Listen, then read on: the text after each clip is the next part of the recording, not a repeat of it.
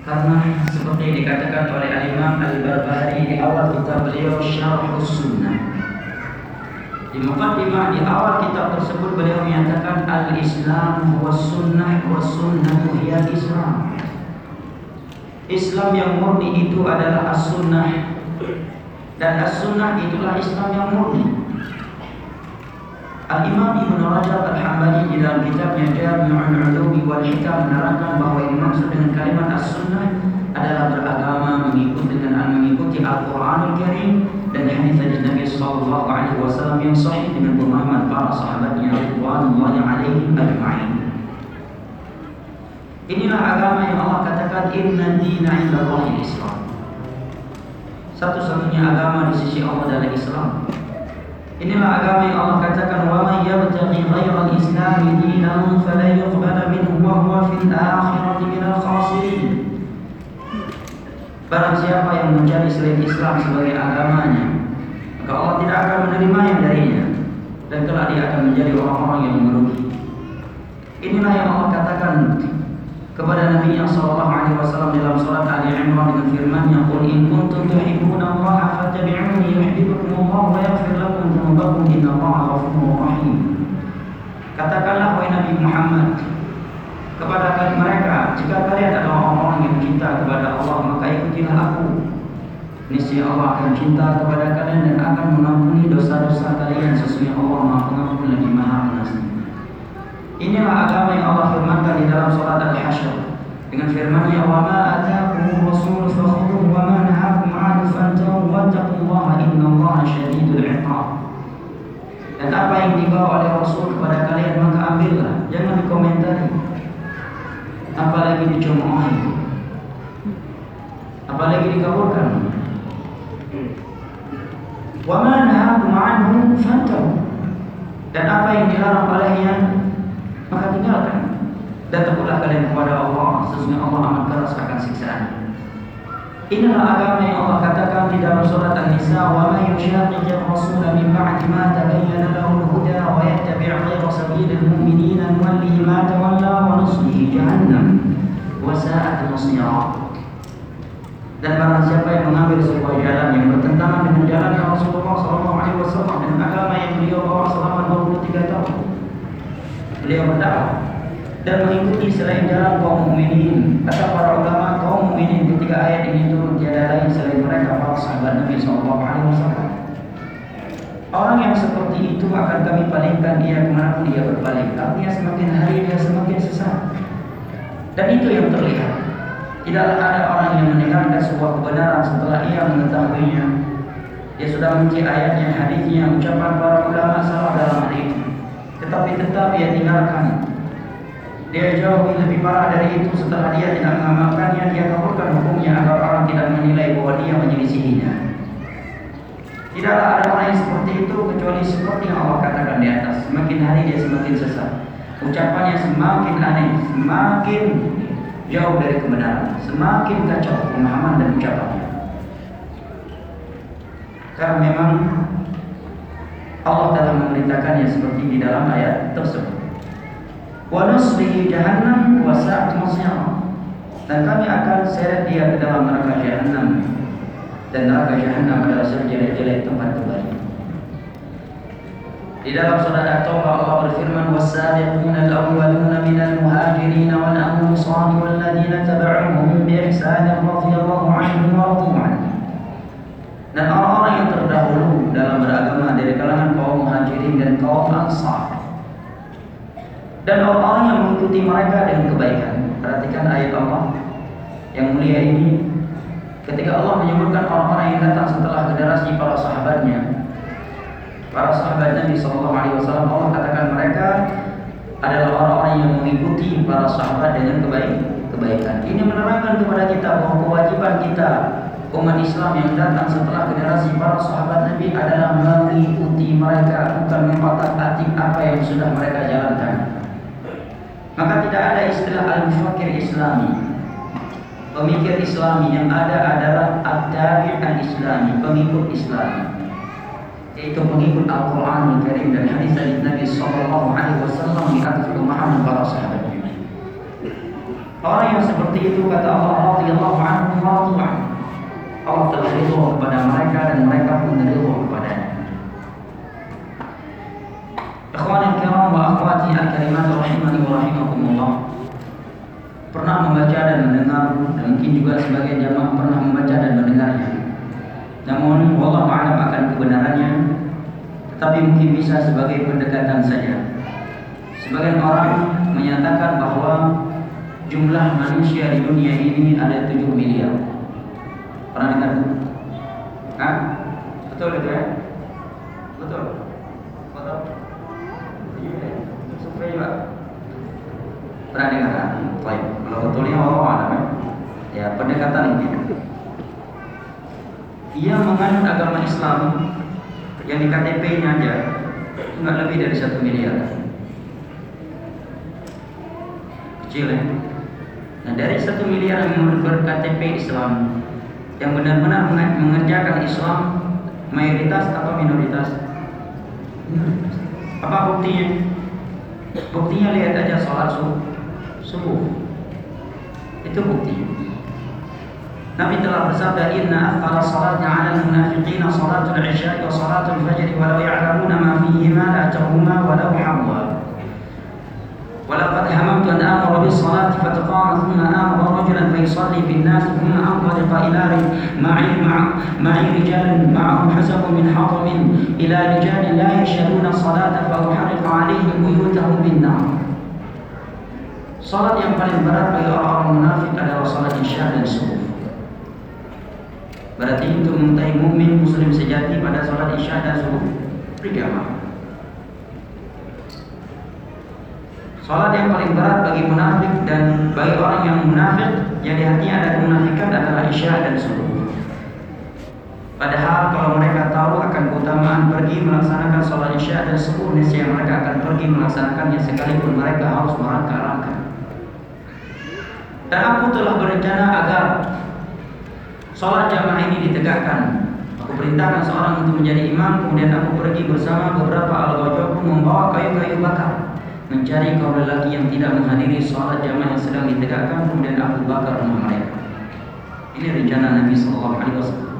Ini bukti ya kondisi masjid lebih ramai atau kondisi pentas lebih ramai? Hah? pentas lebih ramai orang lebih senang ke pentas atau lebih senang ke masjid? Pentas kau tahu kan?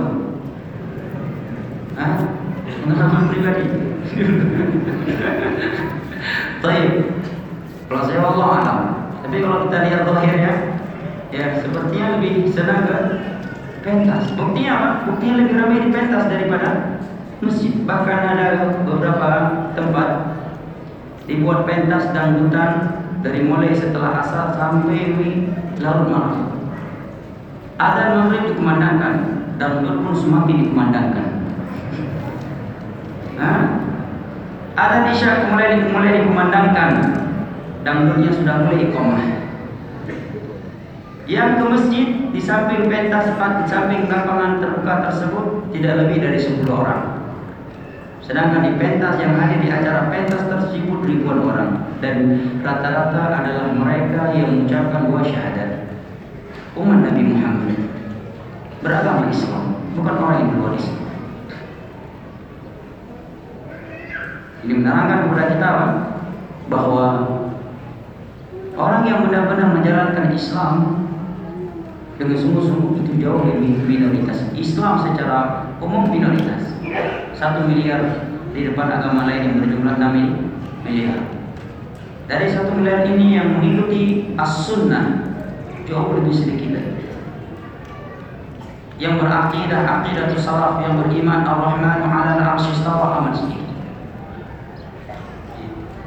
yang akidah asma wa sifat benar amal sedikit. Maka nikmat yang telah Allah berikan kepada seorang hamba berupa nikmat Islam dan as-sunnah ini mesti disyukuri jamaah dimuliakan Allah terkadang kita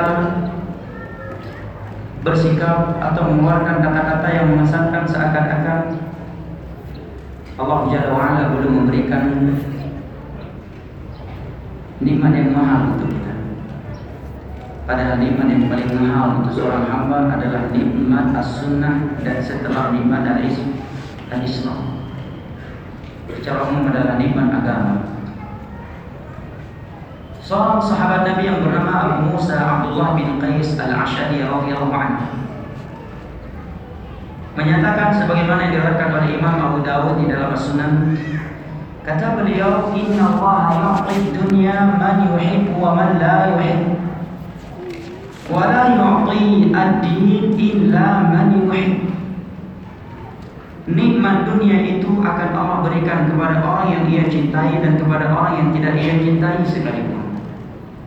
Adapun nikmat agama, nikmat akidah yang lurus, nikmat manhaj yang benar, nikmat salat lima waktu berjamaah, nikmat salat tahajud, nikmat membaca Al-Quran, nikmat bersedekah, nikmat teman yang saleh, nikmat istri yang salehah, nikmat suami yang saleh, nikmat lingkungan yang baik, nikmat majelis ilmu agama, itu tidak akan pernah Allah berikan kecuali hanya kepada hamba-hamba yang ia cintai sahaja.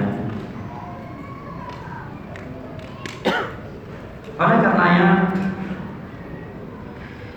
seorang ulama tabi'in dari ulama salaf yang bernama Salam bin Dinar rahimahullah menyatakan Kullu ni'matin la tuqarribuka ila Allah fahiya baliyah. Setiap nikmat dunia yang Allah berikan kepadamu tetapi tidak membuat engkau semakin dekat dengan Allah, maka ketahuilah itu adalah malapetaka yang Allah timpakan kepadamu bukan sebagai nikmat. Demikian dikatakan oleh Salamah Maka hendaknya kita bersyukur kepada Allah Jalla wa'ala atas nikmat Islam dan nikmat as-sunnah jemaah. Demi Allah itu jauh lebih berharga, jauh lebih mulia daripada nikmat dunia beserta isinya. Jangankan nikmat agama, nikmat as-sunnah secara keseluruhan. Dua rakaat sunnah salat subuh saja kata Nabi khairun minat dunia wa ma. Lebih indah, lebih bagus daripada dunia beserta isinya. Apalagi lebih dari dari itu. Ikhwan kiram wa akhwati al-karimat rahimani wa rahimakumullah. Kita sekarang hidup di sebuah masa yang penuh dengan fitnah. Penuh dengan kerusakan. Dan berada di sebuah masa yang sudah sangat jauh dari masa Nabi Shallallahu Alaihi Wasallam dan para sahabatnya. Kita sudah berada di tahun 1400 40 Hijriah sudah sekian lama Nabi kita Shallallahu Alaihi Wasallam diwafatkan oleh Allah. Sudah sekian lama Allah wafatkan para sahabatnya. Sudah sekian lama Allah telah mewafatkan para tabi'in. Sudah sekian lama Allah mewafatkan para tabi'un tabi'in. Dan sudah sekian lama Allah wafatkan mereka aimatul huda wa masabih duja seperti empat imam mazhab dan yang lain-lainnya. Akan tetapi sekalipun kita sudah jauh dari zaman wahyu, Allah telah berfirman, "Inna nahnu nazzalna dzikra wa inna lahu lahafizun." Kamilah yang menurunkan agama ini. Kamilah yang menurunkan Islam kepada Nabi Muhammad. Kamilah yang menurunkan Al-Quran dan kamilah yang akan menjaganya. وأن ونزلنا عليك الذكر تبيانا لكل شيء وهدى ورحمة وبشرى للمسلمين dan sungguh kami telah menurunkan Al-Quran ini kepada engkau sebagai penjelasan untuk segala sesuatu sebagai rahmat, hidayah dan berita gembira bagi orang-orang yang berislam Allah lah yang telah berfirman di dalam surat Al-Ma'idah di ayat ketiga dengan firman-Nya al-yawma akmaltu lakum dinakum wa atmamtu 'alaikum ni'mati wa raditu Islam dinan. Hari ini telah aku sempurnakan agama kalian. Telah aku sempurnakan nikmatku untuk kalian dan aku telah ridha Islam ini sebagai agama untuk kalian.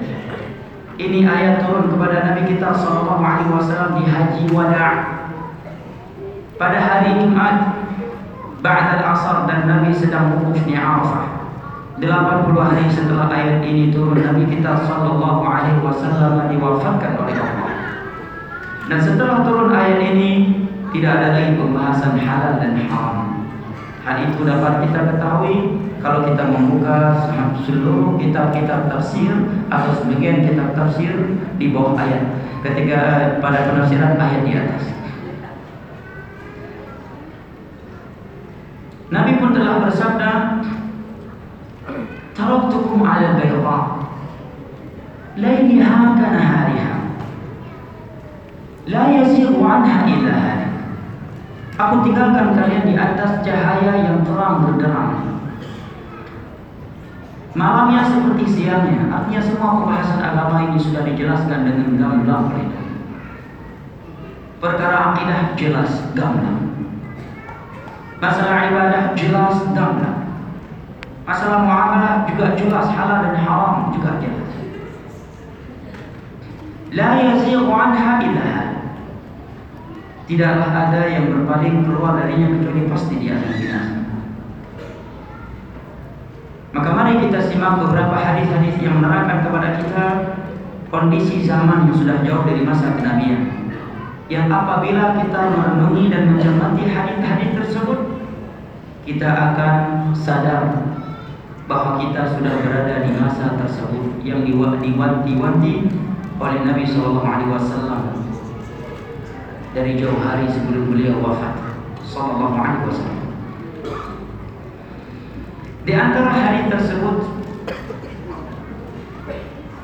atau di antara hadis-hadis yang berbicara fit, tentang fitnah di masa yang sudah jauh dari masa kenabian sallallahu alaihi wasallam adalah hadis yang diriwayatkan oleh Imam Bukhari dalam kitab sahihnya dari Abu Hurairah radhiyallahu anhu dan sebagai faedah Seluruh kitab hadis yang bersifat as-sunan Sahih Bukhari, Sahih Muslim, Sunan Abi Dawud, Sunan Tirmidzi, Sunan Ibnu Majah semuanya ada di dalamnya sebuah pembahasan yang berjudul Kitabul Fitan. Hadis-hadis yang menerangkan fitnah kalau bisa dibahasakan fitnah akhir zaman. Kondisi zaman set, uh, yang sudah jauh dari masa wahyu.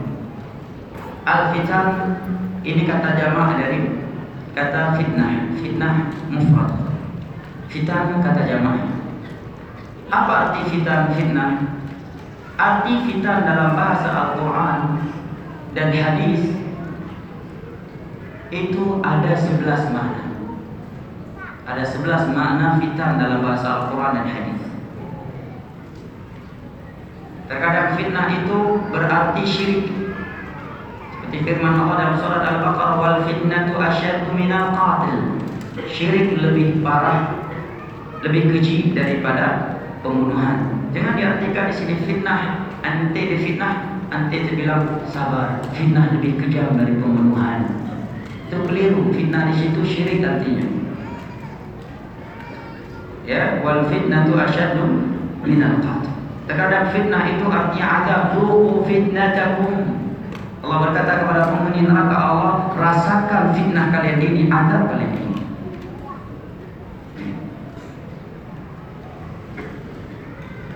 Namun secara ringkas, karena waktu yang membatasi kita, fitnah yang dimaksud ketika para ulama membahas fitnah akhir zaman agar kita teguh di masa fitnah adalah suatu sesuatu yang bertentangan dengan agama Allah atau sesuatu yang dapat menjauhkan seorang dari Allah Jalla wa'ala.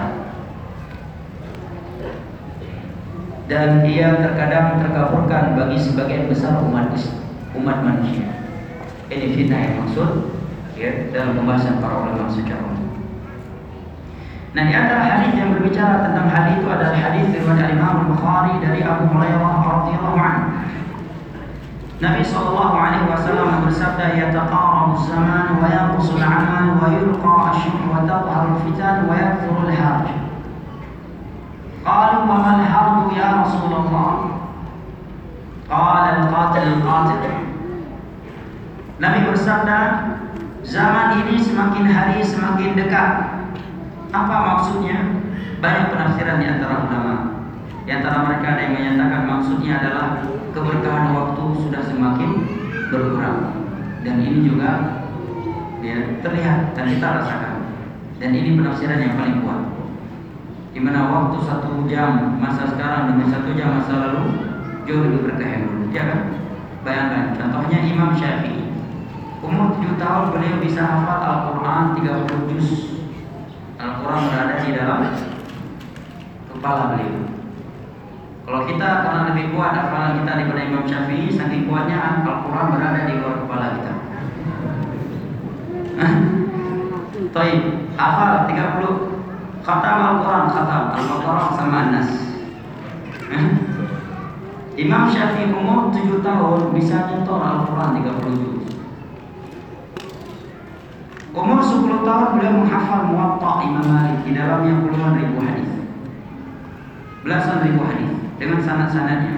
11 tahun beliau sudah dianggap sebagai ulama dan sudah dianggap sebagai mufti.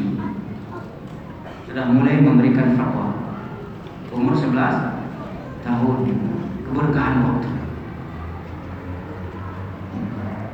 beda dengan zaman kita sekarang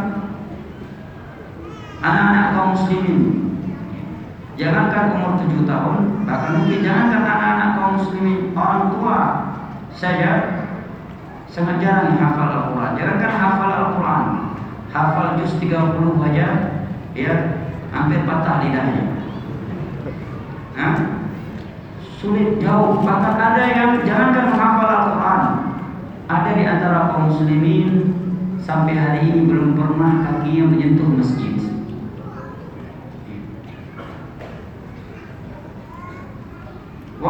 yang menuntut ilmu agama keberkahan waktunya tidak seperti zaman dahulu makna yang kedua dari makna yang terkawal zaman kata sebagian ulama yang lainnya adalah di mana perputaran waktu semakin cepat seperti yang disabdakan oleh Nabi Shallallahu Alaihi Wasallam dalam hadis lainnya yang diriwayatkan oleh Al Imam At-Tirmidzi dari Abu Hurairah radhiyallahu anhu.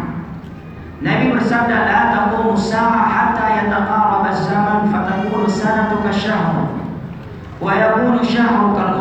Yakunu al-usbu' kal yawm wa yakunu al-yawm kas-sa'a wa takunu sa'atu kahtiraqis sa'ah. Sungguh hari kiamat itu tidaklah terjadi. Kecuali telah datang kecuali masa ini semakin sudah semakin dekat di mana waktu satu tahun seperti satu bulan. Waktu satu bulan seperti satu pekan. Waktu satu pekan seperti satu hari waktu satu hari seperti saat waktu qasir waktu yang pendek seperti satu jam waktu yang pendek habisnya seperti habisnya pelepah kurma yang kering tatkala dibakar tak terasa di antara kita ada yang sudah berumur 70 tahun dan mendapatkan sekian bonus dari Allah. Ada yang sudah berumur 60 tahun, ada yang sudah menikah, ada yang sudah punya anak, ada yang sudah punya cucu, dan ada yang sudah mendapatkan pertanyaan man rabbuka, wa ma dinuka, Tak terasa. Tak terasa waktu berlalu begitu saja. seakan-akan bulan Ramadan baru aja kemarin. Karena meninggalkan sudah meninggalkan kita kita sudah berada di penghujung syawal. Tak terasa di antara kita sudah dewasa sudah menikah sudah menikah punya anak punya cucu tiba-tiba mati.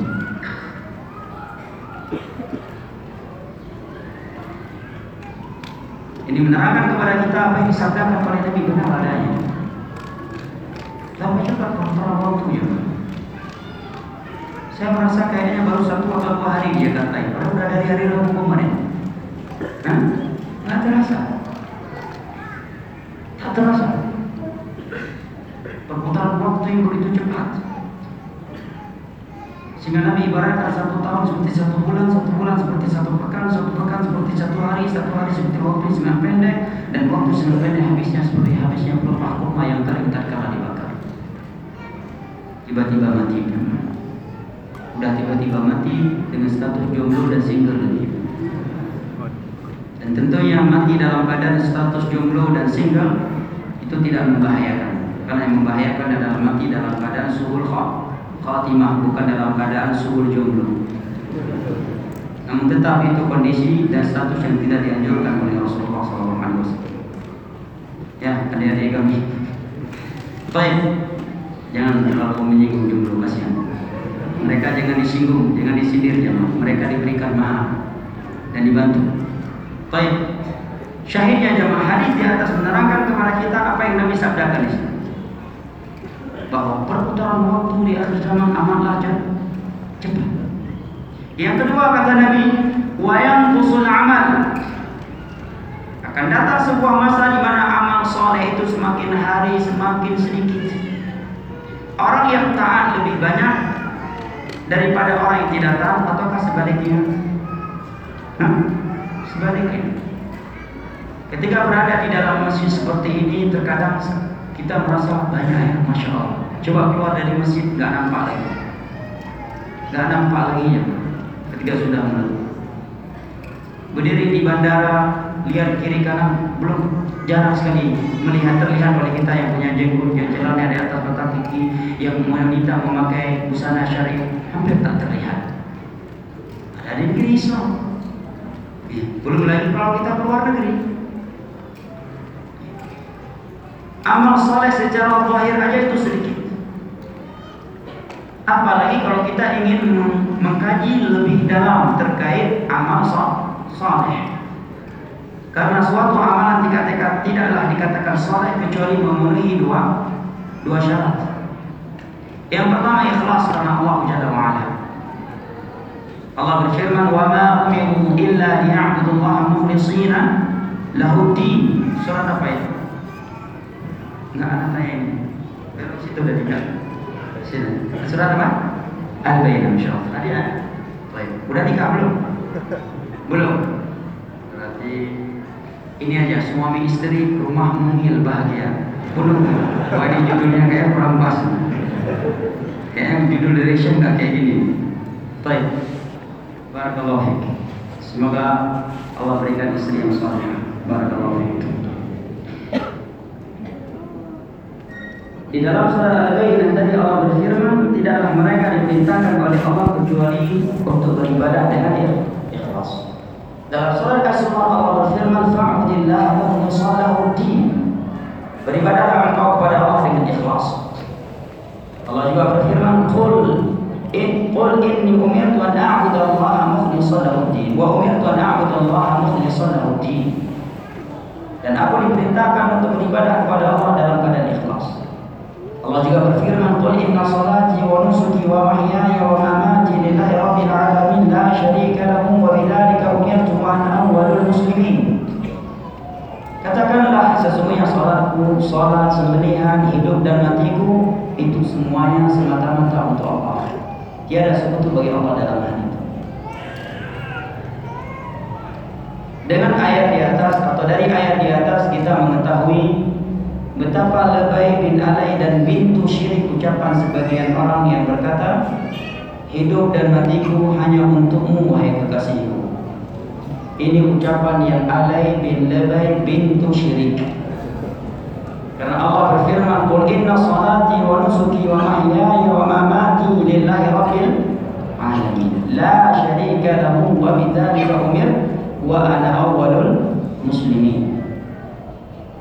Di dalam sebuah hadis yang diriwayatkan oleh Imam Muslim dari Abu Hurairah radhiyallahu anhu hadis qudsi Allah berfirman man 'amila 'amalan asyraka fihi ma'i taraktuhu wa syirkah Barang siapa yang melakukan suatu ibadah yang dia riak di dalamnya maka Allah akan tinggalkan ibadahnya tersebut dan Allah akan tinggalkan dia di hari kiamat. Dan pada hari kiamat Allah akan berkata kepadanya Coba kamu pergi menemui orang-orang yang dahulunya kamu riak gara-gara mereka. Apakah mereka memberi, mampu memberikan suatu balasan untuk kalian di hari ini? Dan jangan merasa mudah ikhlas itu jangan. Dan jangan kita merasa aman dari lawannya yaitu ria.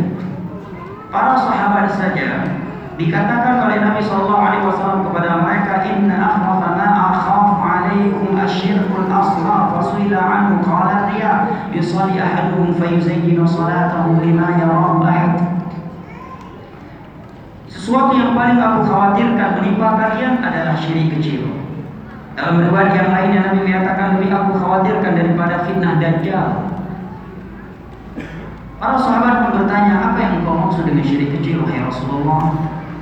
Maka beliau menjawab, ria.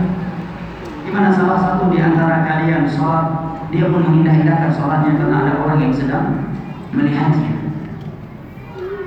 Ketika sholat sendirian, sholatnya cap mesin jahit. Ya, seperti patokan ayat. Begitu di dalam masjid, ya masya Allah, ya lidahnya, mulutnya, khusyuknya seakan-akan Al-Baqarah yang sedang dia baca. Padahal yang dia baca adalah Qul Ahad yang diulang-ulangi. Ini teguran untuk pribadi kita masing-masing, bukan untuk menduga orang lain, karena isi hati manusia hanya Allah yang mengetahuinya. Tidak mudah ikhlasnya. Al-Imam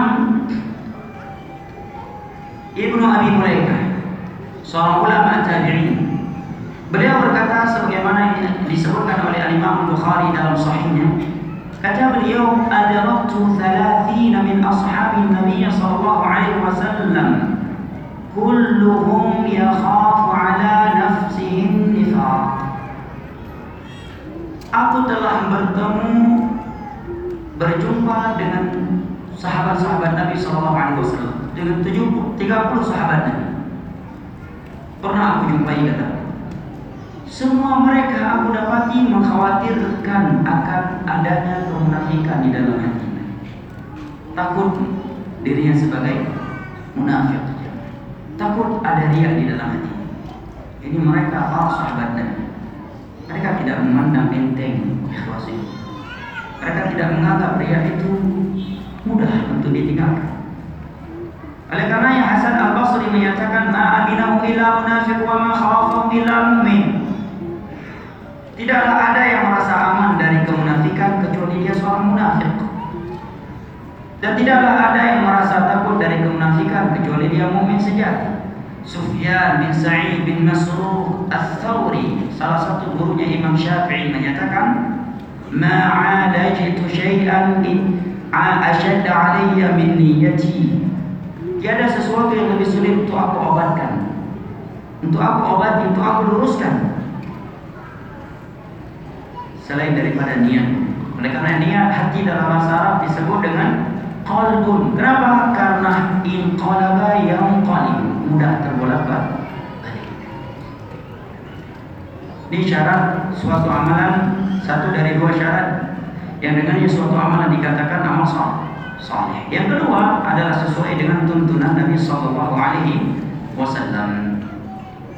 diriwayatkan oleh Imam Muslim dari Aisyah radhiyallahu anha Nabi sallallahu alaihi wasallam bersabda man amila amalan laisa alaihi amruna fahuwa radd Barang siapa yang melakukan suatu amalan yang tidak sesuai dengan tuntunan kami maka amalan tersebut tertolak sesuai dengan tuntunan Nabi sallallahu alaihi wasallam itu dalam empat sisi yang pertama dari sisi al-kaifiyah caranya tidak menyisi cara yang telah diajarkan oleh Rasulullah sallallahu alaihi wasallam yang kedua dari sisi al-adadiyah Jumlahnya tidak berkurang atau lebih dari jumlah yang telah ditentukan secara khusus oleh Rasulullah SAW.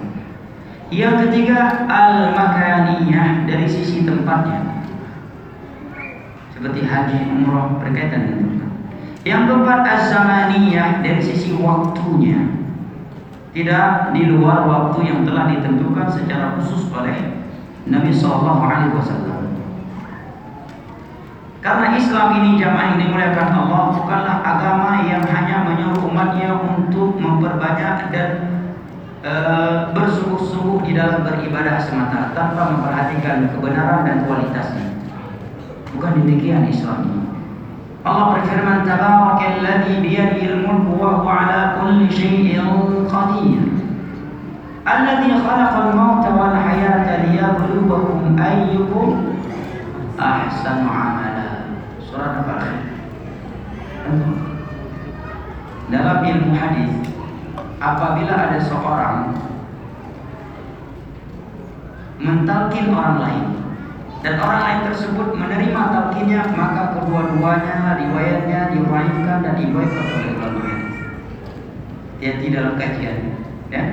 Ditanya seorang yang lain masih bisikan masih jawaban. Dalam ilmu hadis kedua-duanya diboikot riwayatnya.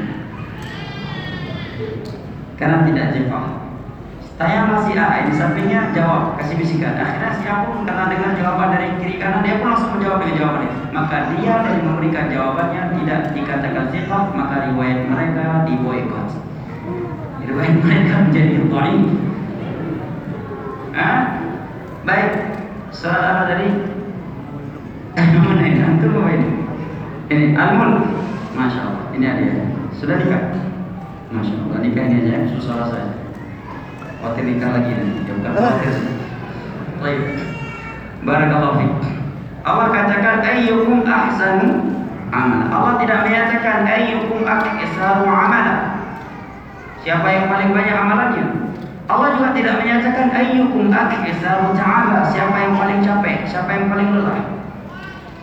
Tetapi Allah menyatakan ayyukum ahsanu amala yang paling bagus amalannya. Apa makna ayyukum ahsan muamalah? Maknanya kata Fudail bin Ayyad Fudail bin Ayyad seorang ulama di masa Imam Syafi'i. Ada baiknya sedikit kita berhenti di biografi beliau. Sebelumnya beliau adalah seorang yang nakal, qatta'ut turuq, perampok padang pasir. Ya, perampok padang pasir lebih nekat daripada kalau kita di Indonesia Begal. Ya. Begal kalau rame dia berani ya. Baik.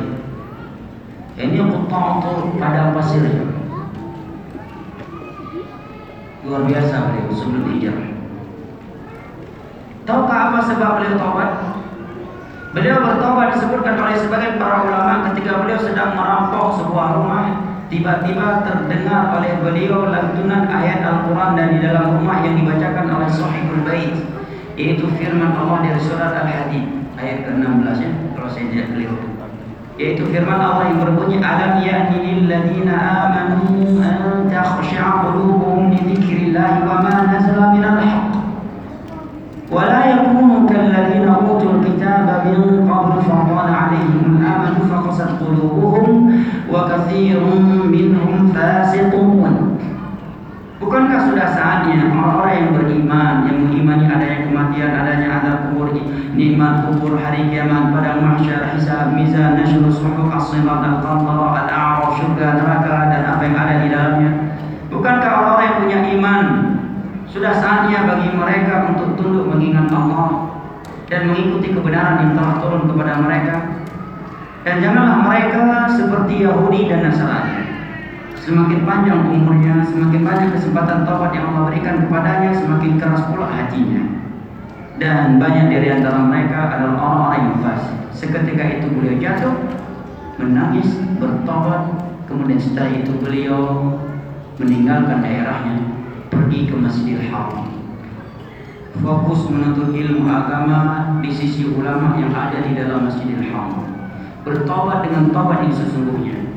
Dengan hijrah yang sesungguhnya. Sampai sekian lama sampai orang udah lupa sama beliau. Sampai sebagian orang bertanya, Pak aman-aman udah agak aman nih perjalanan daerah ini. Apa nggak ada lagi bin Iyad? Setelah sekian lama beliau belajar di Masjidil Haram bertobat dan disebutkan beliau setiap kali sholat beliau menangis mengingat dosanya terlebih dahulu. Tak dosanya yang dahulu. Pada beliau sudah bertobat. Setelah demikian barulah beliau menjadi ulama, barulah beliau tampil. Bukan baru hijrah hijrahnya pun setengah-setengah. Udah menjadikan hijrahnya sebagai hijrah perjatuhan. Eh, akhirnya dibesar-besarin dianggap menjadi tokoh, menjadi moderator pengajian, merasa sudah diustadkan. Eh, begitu ada pelajaran-pelajaran yang mesti dia ikut dari awal, udah mulai gengsi. Begitu terjadi fitnah, dia tumbang, dia jatuh. Tidak demikian dengan mereka ulama dahulu. Suruh belajar. Kalau bisa ditutupi, maka nasihat saya kepada teman-teman yang hijrah dari dunia entertainment yang tadinya punya popularitas yang luar biasa, nasihat saya sembunyikan diri Anda. Belajar karena hati ini lemah ya. Ketika orang banyak memuji kita, Tiba-tiba dipakai diundang sana, diundang sini, padahal kita belum punya kapasitas untuk berbicara masalah hal itu. Suatu saat kita merasa bebas, gua udah punya madu sendiri. Mau ditaharin nggak ditaharin nggak urus gua, gua punya madu sendiri. Gua punya murid sendiri. Ketika ada pelajaran, pelajaran dasar dibuka, mulai agak gengsi mengikutinya. Dan syaitan cukup licik di dalam menyesatkan manusia jemaah. Belajar begitu hijrah, belajar akidah privat kalau bisa. Tidak hanya dengan kajian-kajian umum. Privat cari ustaz, minta ajarkan akidah yang benar. Kitab Rasul Salata, Fadul Arba, Kitab Tauhid, Wasitiyah, Muhammad Ittaq. Fikih-fikih dasar, sifat wudhu, sifat sholat yang benar dan seterusnya. Andai kata kita berilmu dan Allah ingin memanfaatkan ilmu kita untuk manusia sekalipun kita disembunyikan di bawah kolong jembatan Allah akan keluarkan kita dan Allah akan letakkan di tengah-tengah orang-orang yang membutuhkan kita. Karena Allah telah berfirman fa'am wa amma wa amma zab fa amma zabadu fayadhabu jufaa. Sesuatu yang dia laksanakan di lautan itu akan hilang begitu saja ditelan masa. Wa amma ma yanfa'un nasa fayanquthu fil ard. Adapun sesuatu yang bermanfaat yang bermanfaat untuk manusia dia akan diabadikan di muka bumi ini oleh Allah Subhanahu wa taala. Fudail bin belajar dari situ. Karena terkadang kita melihat kasihan. Ya, ada orang baru tobat dari dunia entertainment memimpin orang yang biasa langsung ditokohkan. Akhirnya dia tumbang Begitu datang suatu fitnah, dia jatuh. Diajarkan ya, kita bersyukur dan kita sangat senang bahagia, kita apresiasi. Jika ada orang yang tadinya dia merupakan tokoh kejelekan, menjadi tokoh sekarang menjadi tokoh kebaikan. Tapi jaga dia, bantu dia untuk istiqamah dan justru kita menarik dia kepada hal-hal yang itu bisa menyebabkan dia wujud gurur atau dia menganggap bahwa hijrah dia adalah jauh hijrah yang sempurna. Buktinya setiap ada materi pentingnya hijrah, dia dijadikan sebagai hijrah percontohan. Ya. Dalam keadaan belum sempurna hijrahnya. Dan khawatir syaitan akan mempermainkannya. Fadil bin dari perampok menjadi ulama. ulama. Bukan sekedar beliau masuk penjara, keluar penjara, langsung jadi ulama. Enggak, beliau belajar di Masjidil Haram. Belajar di Masjidil Haram sekian lama ulama. Bukan sekedar punya apa istilah viewer. Tidak hanya bermodal viewer jadi ulama. Kalau sekarang kamu udah jadi ulama, siapa yang paling banyak viewernya dia yang paling hebat ulama. Siapa yang paling banyak like YouTube-nya atau medsosnya itu Ustaz kibar berkibar-kibar itu ulama karena banyak banget yang dia. Ya ngelek yang luar biasa. Tidak hati-hati jemaah. Kita hidup ini sementara. Allah maha mengetahui isi hati kita. Ria itu cukup bahaya. Tidak ada gunanya kita ria Tidak ada gunanya kita. Ini tentunya nasihat pribadi kita semua. Bukan untuk menilai orang lain Bukan untuk bermudah-mudahan Untuk menuduh orang lain. Karena ria itu amat halus. Dan istiqomah itu amat mahal. Dan biasanya orang yang sudah tahu kebenaran kemudian menyimpang itu amat sulit untuk kembali lagi ke jalan yang benar. Belajarlah dari Fudhil bin Iyad begitu beliau tobat beliau langsung mengasingkan dirinya. Pergi ke Masjidil Haram belajar sekian lama. Karena beliau punya ilmu karena beliau ikhlas Allah tampakkan lagi beliau kembali beliau dikenal lagi dulunya dikenal sebagai penjahat Orang kenal beliau karena kejahatannya dan orang tidak mau dekat-dekat dengan dia. Sekarang orang mengenal beliau karena keilmuannya dan semua orang ingin dekat dengannya. Allah memiliki banyak cara dan mudah bagi Allah untuk mengubah status atau uh, kondisi seseorang. seseorang. Beliau menyatakan bahwa makna ayyukum ahsanu amala adalah akhlasukum wa adalah siapa yang paling ikhlas dan siapa yang paling mencocoki sunnah Rasulullah SAW. Maka Islam bukanlah agama yang hanya menyuruh penganutnya kepada bersungguh-sungguh semata, memperbanyak amalan semata tanpa memperhatikan kualitas dan kebenarannya. Bahkan terkadang ada orang yang sudah lelah beramal, justru amalannya tersebut melemparkan dia ke dalam neraka Allah. Hal ataka hadithul ghashiyah wujuhu yawma idin khashiyah. Amilatun nasibah taslana wan hamiyah. Surah apa? Ayo. Al-Ghashiyah, Masya Allah. Sudah nikah? Masya Allah. Ini. Barakallah hadiah buat antum. Barakallah fiik. Allah menyatakan amilatun nasibah. Dia telah lelah beramal. Taslana hamiyah. Justru melemparkan dia ke dalam neraka Allah. Ini salah satu dari dua penafsiran ayat ini. Kita kembali lagi ingat kita sedang bahas hadis Imam Bukhari yang menerangkan kondisi zaman yang sudah jauh di masa wah wahyu. Yang tadi adalah faedah terhadap ucapan Nabi dari potongan hadis tersebut. Nabi menyatakan amalan zaman akan semakin dekat, amalan semakin sedikit. Kenapa sedikit jamaah? Karena kita katakan tadi amalan itu tidaklah dikatakan soleh, tidaklah diterima oleh Allah kecuali memenuhi dua syarat. Syarat dan dua syarat itu amat sulit, ikhlas sangat sulit. Mutabah sangatlah jarang. Karena oleh karena sebagian ulama salaf menyatakan di akhir zaman ada tiga hal yang sulit didapatkan. Tiga hal yang sangat sulit didapatkan dan jika Allah telah menganugerahkannya kepadamu, jaga sebaik-baiknya. Jaga baik-baik, jangan sampai hilang. Yang pertama, teman yang saleh yang menuntun kita ke jalan Allah. Yang kedua, memiliki profesi yang halal pekerjaan yang halal ini sangat sulit di zaman sekarang. Kalau sudah diberikan oleh jaga baik-baiknya, walaupun menurut kita sangat kecil penghasilan dari itu. Yang ketiga, ibadah yang sesuai dengan sunnah Rasulullah SAW. Kemudian kata Nabi, wa ilqa Kebanyakan manusia di saat itu menderita penyakit asyuh. Apa itu asyuh? Para ulama menerangkan bahwa syuh itu adalah sifat yang padanya ada beberapa hal. Yang pertama, ketika dia mencari dunia, dia tidak lagi memperhatikan bagaimana cara dia memperolehnya. Apakah dengan cara yang haram, apakah dengan cara yang halal? Apakah dengan mengorbankan hak orang lain ataukah bukan? Ambisi yang sangat tinggi, sangat kuat terhadap dunia dan pelit untuk membelanjakannya di jalan Allah Jalla wa'ala. Ini syuh lebih dalam maknanya daripada al-bukhl ini syuh dan dalam surat al-hasyr Allah menyatakan wa man yuqa syuha nafsihi fa ulaika humul muflihun. Barang siapa yang Allah bersihkan dari sifat syuh maka dia adalah orang yang sukses dan tidak mudah untuk selamat dari sifat syuh ini jemaah mudah untuk menyampaikannya saja membersihkan hati kita dari syuh mudah jemaah karena lawannya amanah berat yaitu sedekah.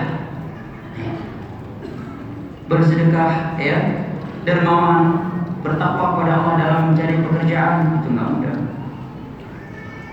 Maka Nabi katakan di akhir zaman sudah kebanyakan orang menderita penyakit syuh ini. Kemudian Nabi menyatakan harul fitan fitnah bermunculan saat itu. Fitnah yang berkaitan syubhat fitnah syubhat atau fitnah syahwat. Betapa banyak ideologi-ideologi yang sesat dan bertentangan dengan Al-Quran dan hadis dan yang itu belum ada di masa Nabi SAW. Setelah wafatnya Umar munculnya Khawarij, Syiah, Mu'tazilah, Jahmiyah dan yang lain-lainnya. Demikian juga pintu-pintu syahwat Betapa banyak pintu syahwat yang terbuka di masa kita sekarang. Jangankan di masa Nabi 50 tahun yang lalu saja itu belum terbuka. Prostitusi di mana-mana, tempat perjudian di mana-mana. Bahkan terkadang hal yang menyedihkan di bulan Ramadan sebagian kaum muslimin berani minum khamar di tempat yang terbuka di siang hari Ramadan. Dan itu di negeri yang muslim, negeri Islam. Subhanallah. Apa yang disebutkan benar adanya. Betapa banyak sekarang tempat prostitusi menyebar di tengah-tengah kaum muslimin. Bahkan sebagian prostitusi berada di samping masjid. Ada apa enggak ini? Ya, nggak usah ditanya lagi. Hah? Begitu kita masuk ke dalam masjid, masya Allah, jangan kita melihat orang seperti di Mekah, orang yang semua Arab, Arab, Arab Malim dan Arab Nandi. Ya, majelis ilmu agama isinya Al-Quran, hadis. Tapi begitu turun dari masjid itu, masya Allah disampaikan. Kalau sempat salah masuk pintu masjid bisa-bisa masuk ke diskotik. Nah, pergi ke masjid mengantuk, kalau lampu remang-remang dia kira ini masjid kayaknya nih. Buktinya dipersilakan masuk. Begitu masuk, Allah musan kata Allah mau bagaimana lagi? Eh, paling kalau dia jomblo single, berangkat sendirian lagi, ya, dengan penampilan seperti artis Hollywood yang kerja di depan diskotik nggak tahu itu orang mungkin pergi talim, Hah? Karena penampilannya seperti artis Hollywood akhirnya dia ragu digoda, jatuh tumbang. Tadi yang ke talim, mau naik ke lantai atas, rupanya jatuh dulu ke lantai bawah. Kenapa jamaah? Fitnah. Begitu banyak di masa sekarang. Betapa mudah seorang untuk berzina zaman sekarang. Betapa mudah untuk mencuri. Berapa mudah untuk minum khamar. Betapa mudah untuk berjudi. Betapa mudah untuk membunuh dan seterusnya. Apa yang Nabi beritakan sudah kita rasakannya.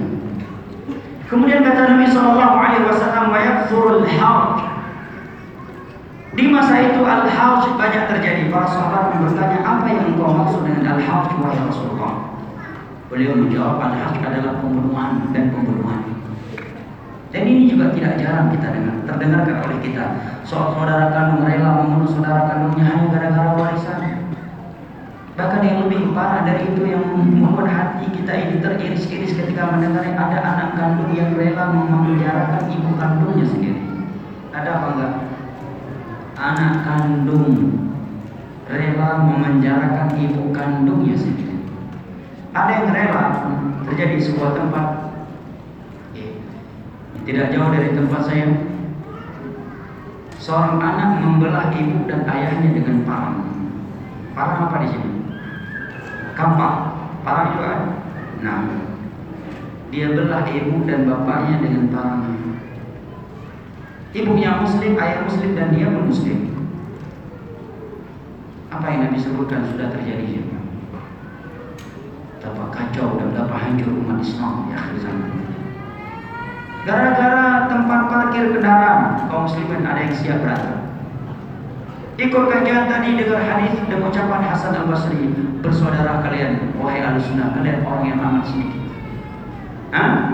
Betul keluar masjid gara-gara parkir mobil bertengkar ribut nggak ada yang saling mengalah bahkan siang saling menumpahkan darah belum lagi karena nilai-nilai politik ada yang siap saling bunuh membunuh, saling mencelakakan antara satu sama yang lainnya. Apa yang Nabi sebutkan sungguh telah terjadi jamaah yang dimudahkan Allah. Hadis yang kedua kita masih di hadis yang pertama dari hadis-hadis fitnah di akhirat. Baik, sampai jam berapa? Kajian Sampai jam 11 Masya Allah Baru hadis pertama ya Baik, saya pilih hadis tadi yang inti ya. Hadis yang kedua adalah hadis yang diriwayatkan oleh Imam Bukhari dari dari Abu Musa al Ashari dan Abdullah bin Mas'ud radhiyallahu anhu.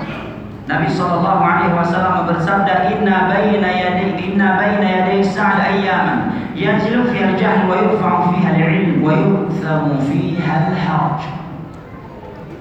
Menjelang hari kiamat ada hari-hari yang penuh dengan kebodohan. Ilmu agama diangkat saat itu dan banyak terjadi pembantaian, pembunuhan. Ini sudah terlihat atau belum jemaah? Orang yang berilmu lebih banyak daripada orang bodoh atau orang atau yang sebaliknya. Sebaliknya. Bahkan ada sebagian kaum muslimin yang umurnya lebih 20 dari 20 tahun tapi belum tahu cara sholat. Pernah nggak punya pengalaman ketika mengajak seseorang untuk sholat dia jawab saya bukan nggak mau sholat tapi gua belum tahu cara sholat. Pernah pengalaman kayak gitu? Saya kira mungkin di antara kita yang ada yang berpengalaman. Sedih nggak ketika mendengarnya? Cara sholat nggak tahu, cara wudhu ada yang nggak tahu. Kebodohan yang luar biasa. Ada di antara kaum muslimin pandai bahasa Inggris, pandai bahasa ini bahasa itu dari sekian bahasa orang-orang kafir, tapi Al-Fatihah belum pandai membacanya. Al-Quran tidak beres, makhrajnya kacau, panjang pendeknya kacau. Kalau kita mendengar dia baca Al-Quran sakit gigi kita, naik asam lambung kita, dan langsung kena usus buntu. Bukan karena lidahnya yang cacat, tapi karena nggak mau belajar. Ada di antara kaum muslimin huruf hijaiyah aja dia nggak tahu.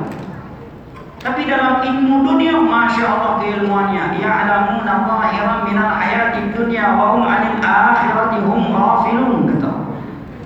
Sebagai manusia itu sangat dalam, sangat luas, sangat tinggi ilmu pengetahuannya tentang dunia, sangat cetek pengetahuan mereka dari akhirat.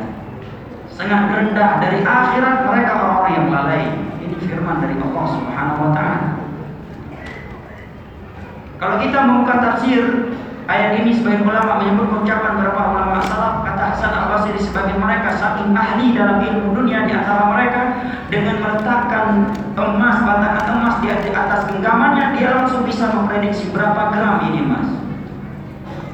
Dia langsung bisa memprediksi ini emas murni ataukah bukan. Saking dalamnya. Tapi dalam ilmu sholat dia nggak tahu, cara sholat dia nggak tahu, cara wudhu dia nggak tahu.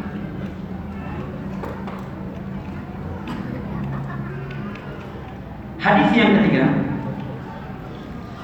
terkait fitnah akhir zaman adalah hadis yang diriwayatkan oleh Al Imam Ibnu Majah dari Abu Hurairah radhiyallahu anhu dan sanad yang sahihkan oleh Syekh Al-Albani. Nabi sallallahu alaihi wasallam bersabda satati 'ala an-nasi sanawat khadda'at yusaddaqu fi al-kadhib wa yukadzabu fi as-sadiq wa yutamanu fi al-kha'in wa yukhawwanu fi al-amin. ويتكلم فيها الريبضة قالوا وما الريبضة يا رسول الله قال الرجل التافه يتكلم في amr akan datang suatu masa yang penuh dengan pemutar balikan fakta. Yang jujur dikatakan pendusta, pendusta dikatakan jujur, yang benar sesat, yang sesat benar. Yang amanah dikatakan pengkhianat, yang pengkhianat dikatakan amanah. Ketika masa sudah seperti itu, si Ruwaibillah banyak berbicara. Kalau bahasa antum orang DKI? Banyak apa? Ngoceh, itu. Ya. Banyak apa bacot? Itu bahasa anak muda ya. Banyak ngebacot, pinjam dikit. Para sahabat pun bertanya, siapakah Ruwaibullah wahai Rasulullah? Maka Nabi menjawab, Ruwaibullah itu adalah orang yang dulu nggak punya kapasitas ilmu berbicara tentang urusan-urusan besar kaum muslimin. Berbicara masalah agama, yang dia nggak punya kapasitas ilmu. Ini sudah terjadi atau belum jamaah? Seorang yang berusaha mengamalkan agama Allah dikatakan Wahabi, antek-antek Yahudi dipersekusi, dibakar pondoknya, dibakar masjidnya dan seterusnya. Tetapi yang melakukan adat istiadat budaya Yahudi dan Nasrani justru itu dianggap yang paling islami. Itulah standarisasi kebenaran. Padahal Nabi bersabda la'natullahi 'alal yahudi wan nasara ittakhadhu qubur anbiya'ihim masajid. Laknat Allah kepada Yahudi dan Nasrani karena mereka adalah orang-orang yang menjadikan kuburan para nabi dan para rasul sebagai tempat-tempat ibadah. Itu hadis dari Imam Muslim. Sekarang justru itu dikatakan atau dijadikan sebagai situs-situs Islami Padahal itu budaya Yahudi dan Nasrani dan mereka dilaknat oleh Allah karena perbuatan mereka itu. Di dalam sejarah dunia ini manusia yang pertama kali menjadikan kuburan sebagai tempat ibadah adalah kaum Yahudi. Itu hadisnya. Firman Allah dalam surah Al-Kahfi juga. Wa qala alladziina takhadhu wa qala alladziina ghalabu 'ala amrihim lanattakhidanna 'alaihim ketika mengutus Ali bin Abi Thalib menyatakan Allah tad'a timthalan illa tamastah wala qabran musyrifan illa sawaitah Wahai Ali ketika Fatah Mekah aku utus engkau dengan sebuah perintah hancurkan patung yang disembah selain Allah Dan kalau ada kuburan yang tinggi lebih dari satu jengkal, ratakan. Perintahnya. Sekarang kita baru menyampaikan hadis itu, belum melakukan aksinya karena yang berhak melakukan aksi eksekusi adalah pemerintah. Cuma menyampaikan hadis tersebut. Yahudi itu, Wahabi itu hati-hati. Radikal. Subhanallah, terbalik Gara-gara jenggot dikatakan radikal, berarti Nabi adalah tokoh radikal. Orang yang berjenggot dinilai jorok, kurang bersih, kurang rapi. Anda lebih rapi daripada Nabi Muhammad. Anda lebih tampan daripada Nabi Muhammad. Anda lebih higienis, lebih bersih hidupnya daripada Nabi Muhammad. Beliau memiliki jenggot yang sangat lebar dan beliau bersabda, "Wahfu syawarih, wahfu luha." Biarkan jenggot kalian tumbuh dan cukur kumis kalian. Zaman sudah terbalik. Jenggot diperolok-olok, yang berjenggot dipandang sinis. Jenggotnya dicukur habis, tidak tersisa sehelai atau se apa? Sebiji pun. Bukan sebiji atau sehelai. Banyak buah sebiji. Sehelai pun tidak tersisa. Tapi sebaliknya kumisnya dibiarkan tumbuh besar seperti pisang goreng halus. Itu nggak aneh. Jenggotnya dicukur habis, kumisnya dibiarkan tumbuh seperti pisang goreng halus. Subhanallah. Ini sudah zamannya jemaah. Ada orang yang celana cingkrang dia berusaha ingin mengamalkan hadis Nabi Ma'as pada minal ka'baini fa finnar. Salatatun la yanzurullahu ilaihi wa la yukallimuhum wa la yuzakkihim wa lahum adzabun alim ya al-musbil. Dia berusaha cuma ingin mengamalkan hadis Nabi itu. Dikatakan banjir ya Bang. Banjir ya Mas. Dan terkadang yang berkata demikian celana dia di atas lutut. Syukur-syukur kalau dia nggak ngomong ke saya. Kalau dia ngomong ke saya, saya akan bilang di situ tsunami ya. kalau di atas mata kaki banjir, berarti kalau di atas lutut apa tsunami? Keasingannya. Fakta sudah terbang, terbalik dunia sudah terbang terbalik. Tepatnya bukan dunia yang terbalik karena dari dulu langit masih di atas dan bumi masih di bawah.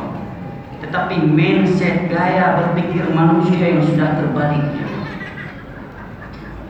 Karena kalau mau melihat secara logika dan belum lagi secara dalil, secara dalil sudah jelas sami'na wa ya kan? Secara logika jalan di atas mata kaki lebih higienis, lebih rapi, lebih bersih, ya kan? Coba kalau di bawah mata kaki terkena debu, ya dari lain-lainnya. Begitu mau sholat alasannya celananya kotor. Siapa nyuruh muslim? Ya kan? Bersih celana di atas mata kaki nggak mubazir, lebih bagus, lebih rapi, lebih bersih. Jenggot juga demikian ini adalah kriteria seorang wanita, seorang seorang laki-laki. Ya. Nah. Para ulama menyebutkan keistimewaan seorang lelaki itu adalah dengan dua hal.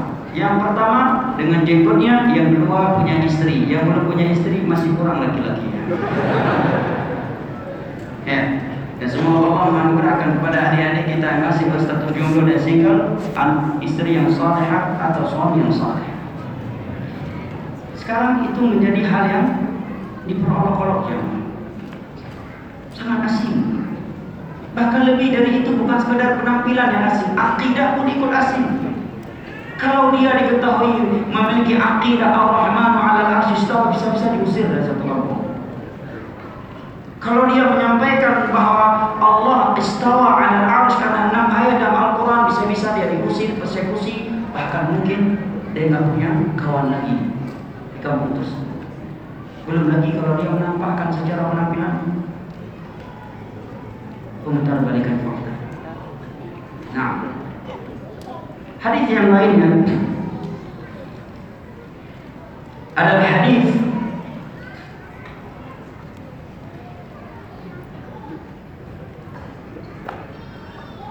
adalah hadis yang diriwayatkan oleh Imam Tirmizi dari Imran bin Husain radhiyallahu anhu. Nabi menyatakan, "Inna ummatakum hadhihi fiha khasfun wa maskhun wa qadfun di umat ini akan terjadi khasaf. Bumi ditelan tertelan. Terjadi gempa bumi gempa lokal dan seterusnya.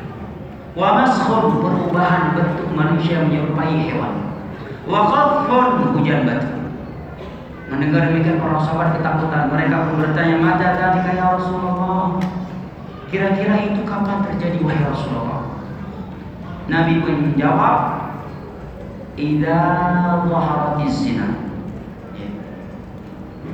Idza dhaharatil qainat wal ma'azif wa syuribatil khumur apabila sudah banyak al-qainat Qainat itu arti dasarnya asalnya adalah budak sahaya wanita yang berprofesi sebagai penyanyi. Jadi dalam sejarah dunia, sejarah jahiliyah yang mau menyanyi itu hanya budak sahaya wanita.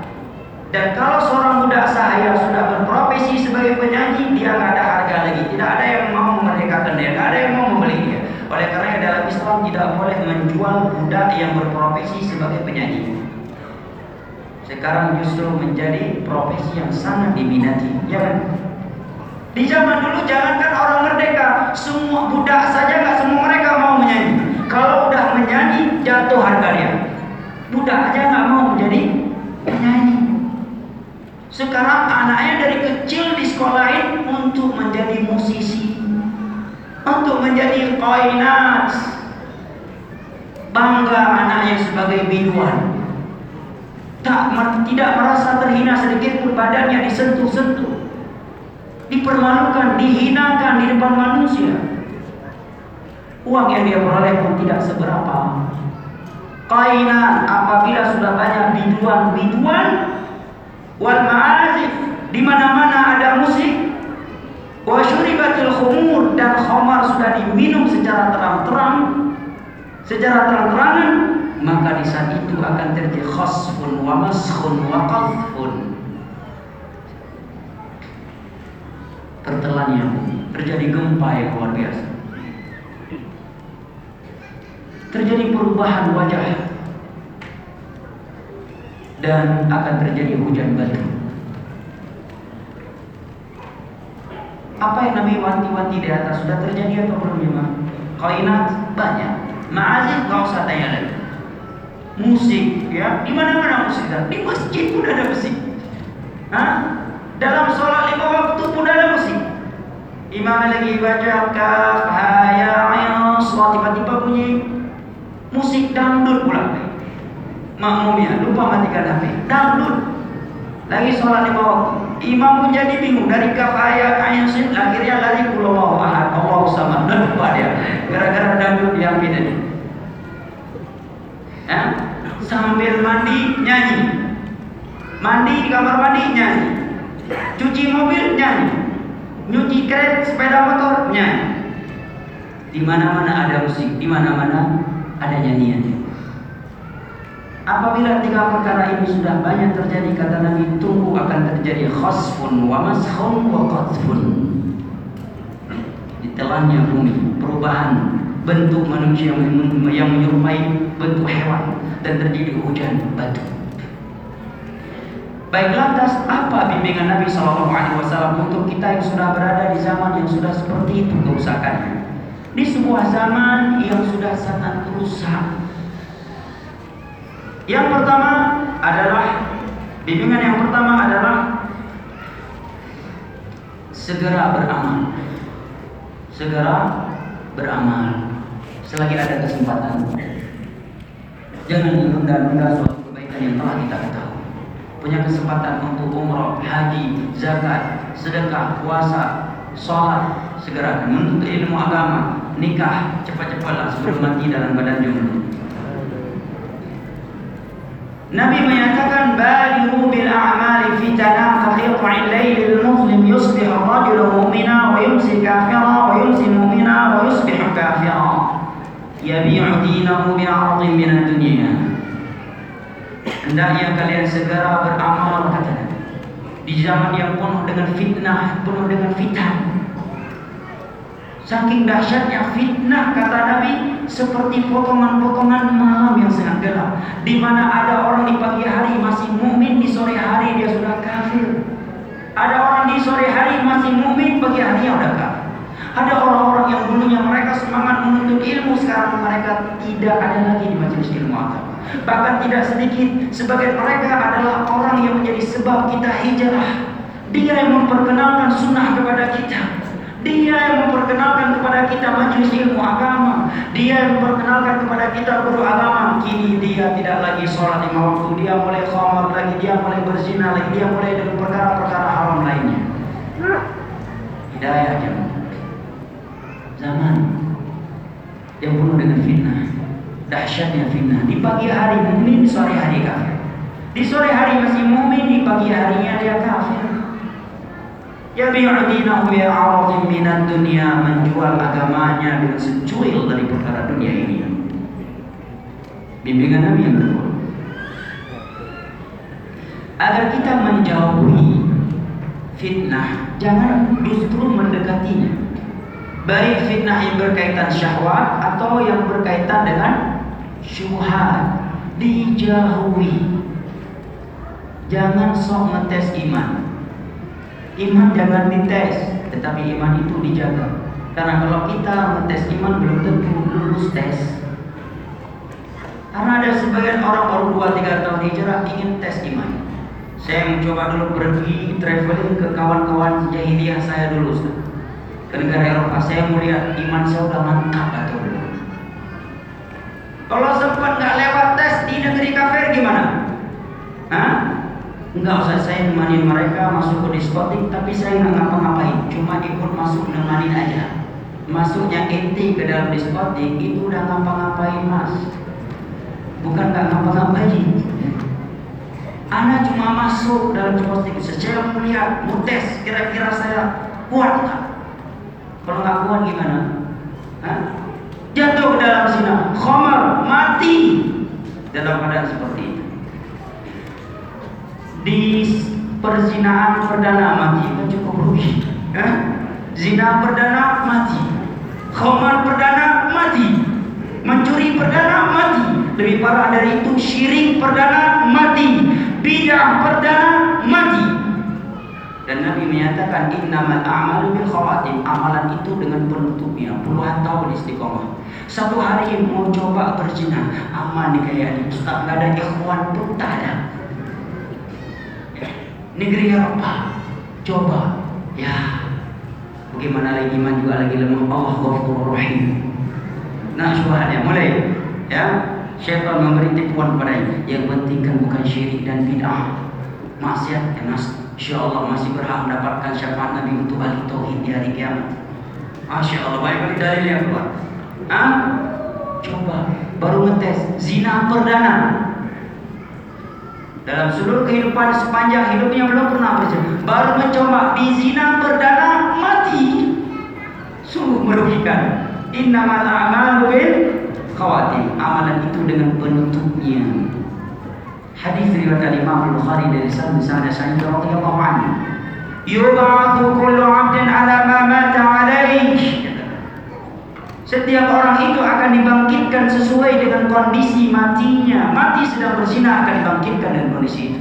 Mati dalam diskotik akan dibangkitkan dengan kondisi itu. Walaupun setelah dia mati dia dikafarkan, dimandikan dan disolatkan. Tetap kata Nabi Yub'atu kullu 'abdin 'ala ma mata Setiap orang itu akan dibangkitkan sesuai dengan kondisi mati. Hadis dari Imam Muslim dari Jabir bin Abdullah radhiyallahu Al-Imam Ibn Kathir dan juga serupa dengan itu Syekh Abdurrahman As-Sidi. Ketika mereka menafsirkan firman Allah, "Ya ayyuhalladzina amanu taqullaha haqqa tuqatih wa la tamutunna illa wa antum muslimun." Mereka menyatakan man kana ala syai'in i'tada 'alaihi wa man i'tada 'ala syai'in mata Barang siapa yang sering melakukan sesuatu, maka dia akan terbiasa dengan sesuatu. Barang siapa yang terbiasa dengan sesuatu dia akan mati di atas sesuatu itu. Dan kalau dia mati di atas sesuatu, maka dia akan dibangkitkan di atas sesuatu itu. Maka usahakan jangan ada ibadah-ibadah yang menjadi rutinitas kita. Yang menjadi kebiasaan kita selain ibadah-ibadah yang wajib, selain sholat jamaah. Contoh yang paling mudah jamaah adalah majelis ilmu agama. Betapa indahnya kalau ada orang mati sedang majelis ilmu agama. Majelis yang Nabi katakan nazalat alaihim sakinah wa ghasyatuhum rahmah wa hafathumul malaika wa dzakarahum Allah fi man indah. Turun sakinah ilahi kepada mereka. Tenang hati kita kalau berada di majelis ilmu kan. Ya, Walaupun mungkin banyak problematika rumah tangga, problem di kantor kita, problem di masyarakat kita, begitu hadir majelis ilmu agama, tenang kita, lupa kita bahwa nanti sore hutang akan ditagih. Lupa kita bahwa pempes anak-anak belum dibeli dan duit tidak ada.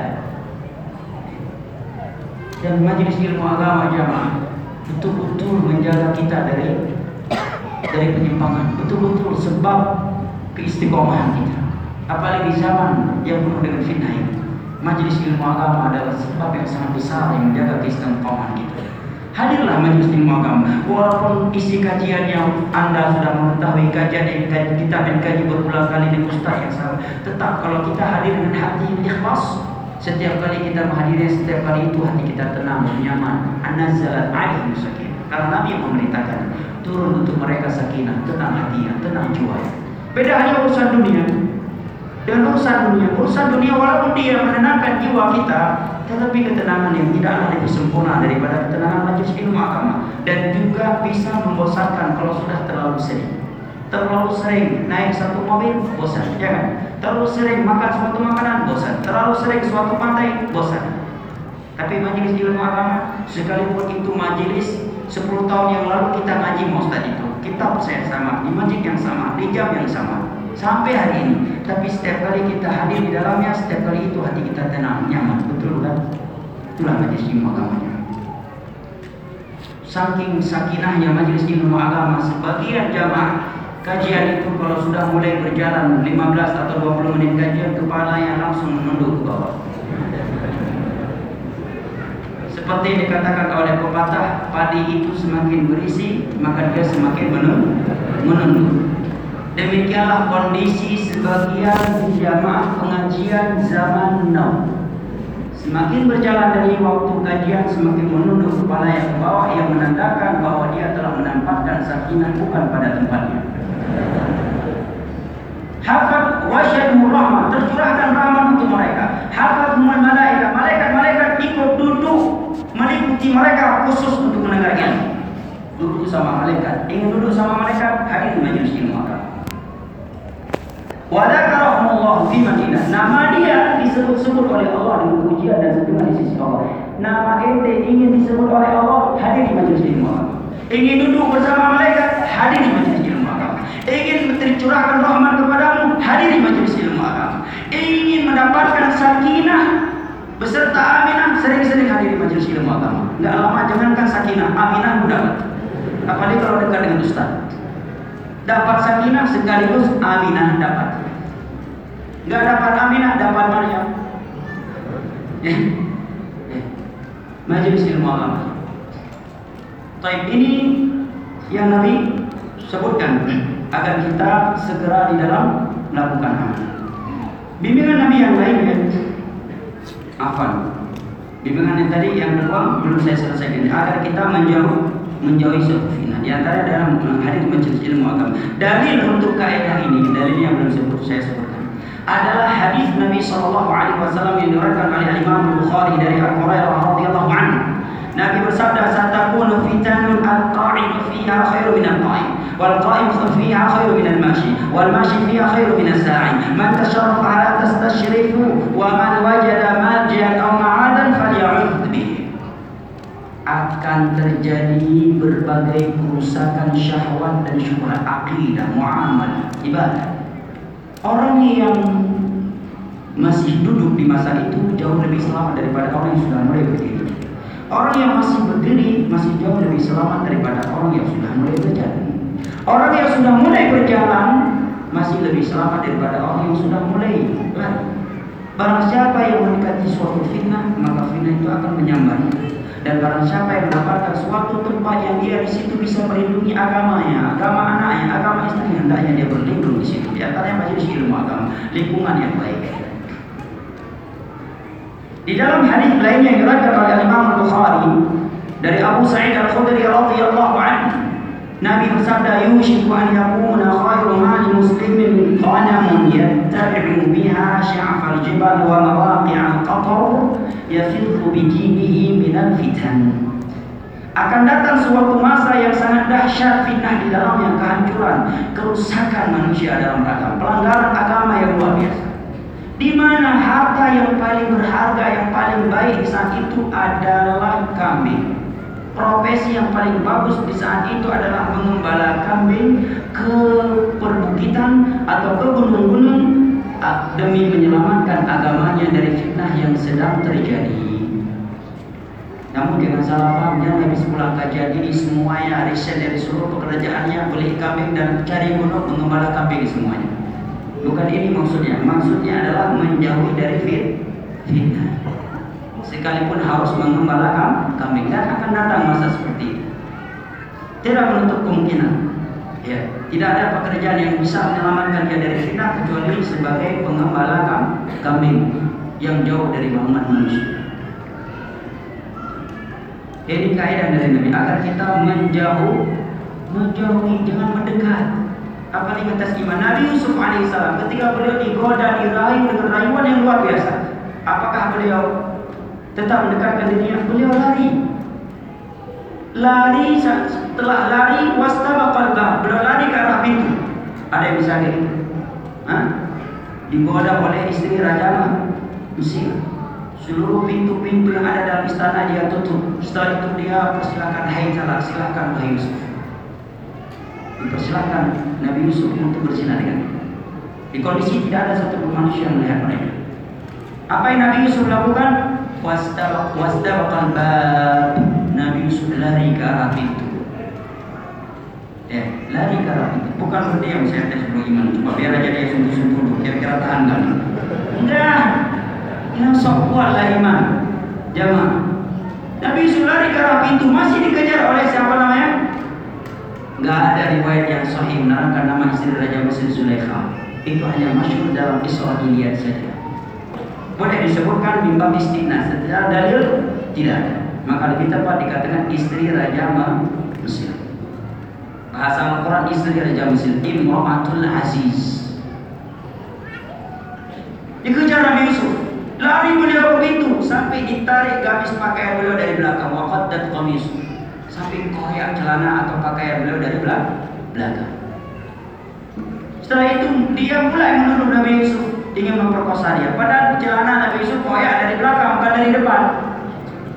Ya, dia orang lain menuduh, dia yang nakal asal. Lah mobil dia rusak dari depan, mobil orang lain rusak dari belakang. Bagaimana dia nuduh orang lain nabrak dia?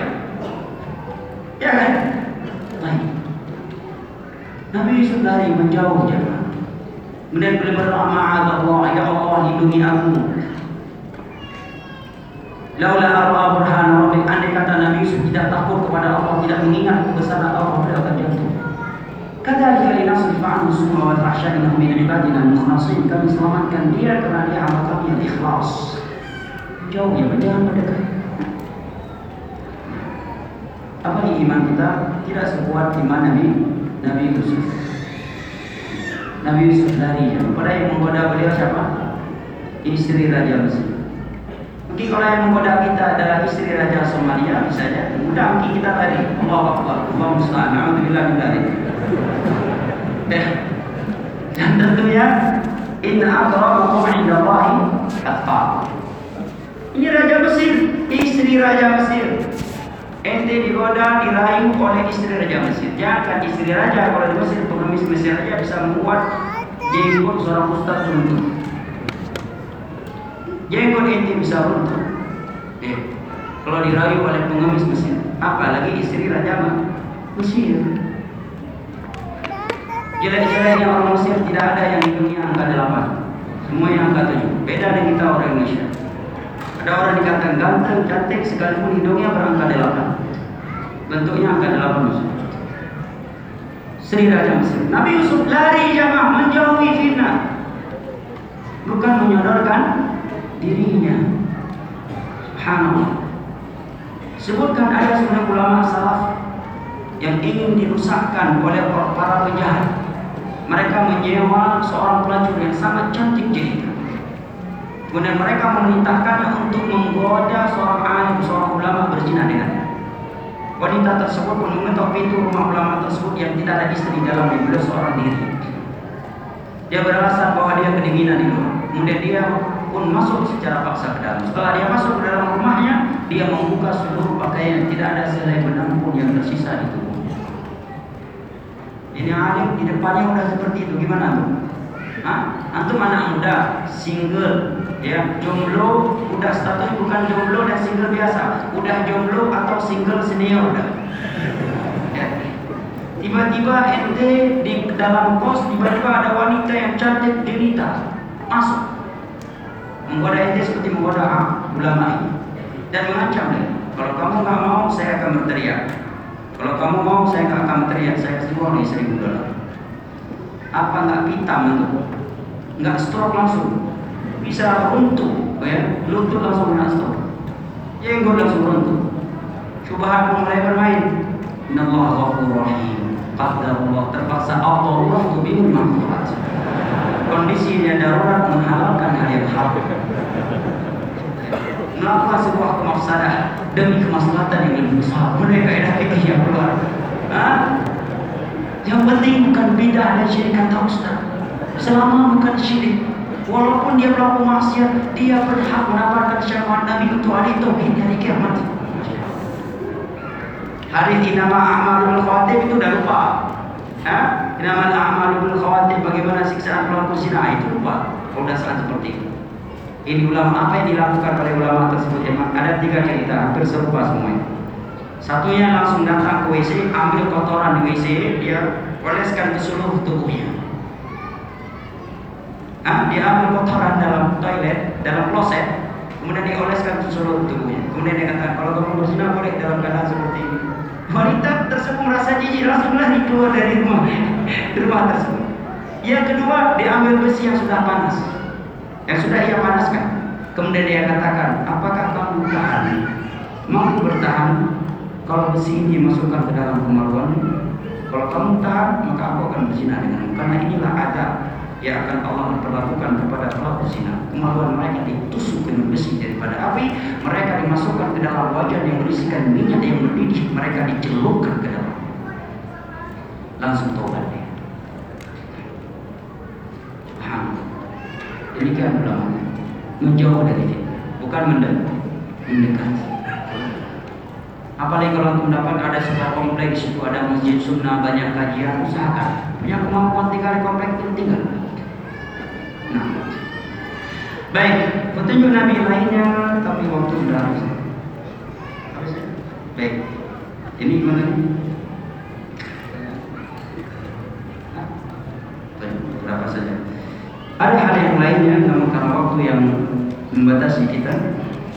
Dan yang terakhir, saya sebutkan hadis Nabi yang sangat pokok yaitu hadis dari Ibn Sariyah yang diriwayatkan oleh Imam Ibnu Majah dan Imam Ahmad. Imam Ahmad dan Ibnu Majah. Nabi menyatakan barang siapa hidup panjang setelah aku meninggal dia akan melihat umat Islam berpecah berpecah mereka berselisih. Maka ikutilah sunnahku dan sunnah para khulafa rasyidun.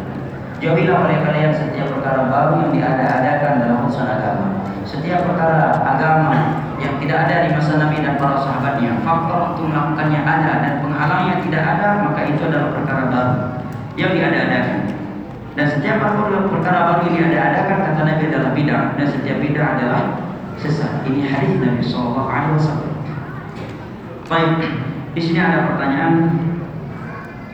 Afwan Ustaz bertanya di luar tema. Bolehkah menolak lamaran ikhwan? Langsung berubah wajah sebagai ikhwan. Yang datang melamar dengan alasan si ikhwan yang melamar sakit atau mempunyai penyakit. Ya kalau dikatakan boleh, nggak ada penyakit pun boleh ditolak, apalagi ada penyakit. Itulah hanya wanita. Dia bisa menolak ketika dilamar. Ya, dia bisa menolak ketika dilamar. Tapi kalau ada menikah, dia tidak lagi punya kekuasaan dan leluasaan seperti itu. Jangankan punya penyakit, nggak punya penyakit pun ente nggak suka. Ya, maaf saya belum siap mendapatkan suami yang hidungnya angka delapan. Misalnya, itu hak ente. Tidak ada dosanya selama ente tidak mencela dia. Oleh karena ada seorang wanita di masa Nabi, dia berkata kepada Nabi Muhammad Rasulullah, suamiku dari sisi akhlak tidak ada yang kubenci. Agamanya bagus. Eh sahabat hanya saja aku tidak bisa wajah dia. Haji nggak ganteng, jelek beliau. Khawatir aku akan mendolimi dia. Ya karena kalau kalau nggak cinta dipaksa ini bahaya aja mak. Don si wanita di malam pertama. Akhirnya rusak psikologinya. Akhirnya dia trauma dari semisalnya.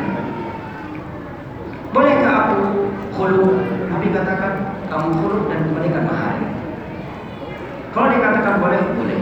Namun secara anjuran, kalau anda melihat ini ikhwan akhlak yang bagus, ya akhlak yang bagus, agama yang bagus, dan penyakitnya tersebut pun tidak terlalu fatal, dengan setelah konsultasi dengan uh, seorang dokter, ya maka hendaknya diterima.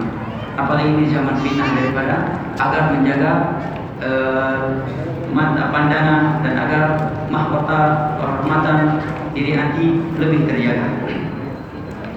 Tapi kalau memang itu penyakit yang fatal menular, setelah diketahui dia punya penyakit yang dapat menular dan memberi masalah yang lebih besar, maka tidak mengapa. Jangan punya penyakit, tidak punya penyakit aja seorang wanita punya hak untuk menolak lamaran. Dan di sini saya ingatkan diri saya pribadi.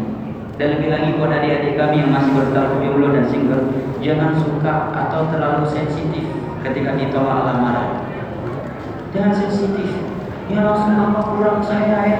Emang belum kurang apa ya kalau digituin nanti sama walinya gimana apa kurangnya saya ya kok lamaran saya ditolak sensitif banget dan ditolak belum rezeki cari lain demi Allah itu ya kan Ngapain menjerumuskan menjerumuskan diri sendiri ke dalam neraka Allah? Akhirnya kita menghibah wanita, menghibah wanita tersebut. Wanita punya hak untuk menerima atau menolak. Sepertinya anda punya hak untuk meneruskan lamaran tersebut apakah tidak setelah nafkah. Jangan sensitif ya. Gak dapat belum jodoh. Jangan sensitif. Karena sebagian orang ketika nggak diterima karena apa karena saya miskin apa dia nggak ingat Julebi tahu tuh cerita Julebi sahabat Nabi yang hitam pekat kering fisiknya ditakuti oleh wanita-wanita Madinah rata-rata benci sama beliau tetapi karena ya Rasulullah yang datang melamar melamarkan akhwat untuk dia maka sahabat Ansor tersebut dengan lapang dada menerima Julebi apakah anti nggak tahu tentang Julebi Ya, kalau saya wali akhwatnya menyatakan Anda tidaklah seperti Julaibi. Julaibi dapat rekomendasi dari Rasulullah. Anda jangankan dari Rasulullah, dari Ustaz aja jangan dapat. Jangan terlalu sensitif ya. Karena sebagai ikhwan sensitif kalau ditolak gambaran Bahkan dari sebagai ikhwan ini ikhwan yang lain retak hubungannya gara-gara seorang akhwat. Dia maju nggak diterima, maju kawannya diterima. Sampai di sini persaudaraan di antara kita. Ya. Kamu menyalin di tikungan. Ya ikhwan, dalam Islam lamaran yang tidak boleh dilamar lagi kalau sudah khidbah. Ente udah khidbah, udah nazar sama-sama suka, udah menyusun tanggal rencana pernikahan, udah jadi. Cuma akarnya yang belum. Ini baru nggak boleh dilamar oleh orang lain. La yakhtiba ahadukum ala khidbati akhi. Nggak boleh melamar di atas lamaran saudara. Tapi kalau ente baru nazar, habis nazar, anda udah berbunga-bunga. Ya, si Ahmad belum ngasih jawaban. Ya, dia bilang saya istikharah dulu. Dan ingat ya, kalau orang yang sekitar nazar udah ngasih jawaban saya istikharah dulu itu dalam kuning. Nah, itu udah bahasa mukaddimah. Mukaddimah khutbatul hajahnya. Saya istikharah dulu. Begitu juga akhwat ya. Kalau setelah dinadar pada ikhwan akhwan yang nanya ke apa Mak Yola, ya Mak Yola gimana? Om, dia bilang istiqoroh dulu bukti. Ya, itu udah ada tanda-tanda. Udah banyak-banyak berpikir, banyak-banyak baca Al-Quran, biar nangis. Kalau udah jawab saya istiqoroh dulu, ah, itu dalam kuning. Ya, nah rupanya setelah nazar dan dia belum menyampaikan berita ada ikhwan lain maju nazar hak punya hak nggak salah si wanita menerima nazar laki-laki lain setelah dinazar oleh ikhwan selama belum khidbah Itu hukum Islam. Jangan mencela seorang karena melakukan sesuatu yang tidak dicela dalam Islam. Yang tidak tercela dalam Islam. Karena saya melihat beberapa kasus ada seorang dua sahabat akhirnya putus persahabatan gara-gara dia nazar ya, ditolak bahkan. Ya ditolak nazar kawannya. Ya diterima putus hubungan. Ya. jangankan sudah ditolak belum ditolak aja belum ada berita dia menyatakan gak mau. Tapi belum khidbah dia masih boleh menerima nazar wanita Laki-laki juga boleh nazar, cuma saya saya jangan, karena nanti ente jadi abu nazar. Karena ada orang-orang yang memang dia abu nazar. Ya, nazar apa ini belum pasti nazar lain, nazar lain, nazar lain, nazar akhirnya ujung-ujungnya jadi abu nazar. Ini nggak cocok, ini cocok. Akhirnya khawatirnya orang seperti itu dirusakan oleh setan. Nggak ada yang cantik di matanya, akhirnya mati dalam keadaan jomblo. Belum nikah. Pastikan begitu diselesaikan satu persatu baru yang yang lain. Nambah kalau Baik, dari sini ke bandara berapa jauh? Berapa menit? Bukan, sudah malam. Cikareng. Dua jam. Katanya bisa tiga jam kalau macet. Baik, apa saya ingin sampai di sini. Oke, insya Allah pertanyaan-pertanyaan yang ada ditanyakan kepada usaha-usaha lain yang ada kajian di sini dari usaha-usaha Allah Kita memohon kepada Allah Jalla wa'ala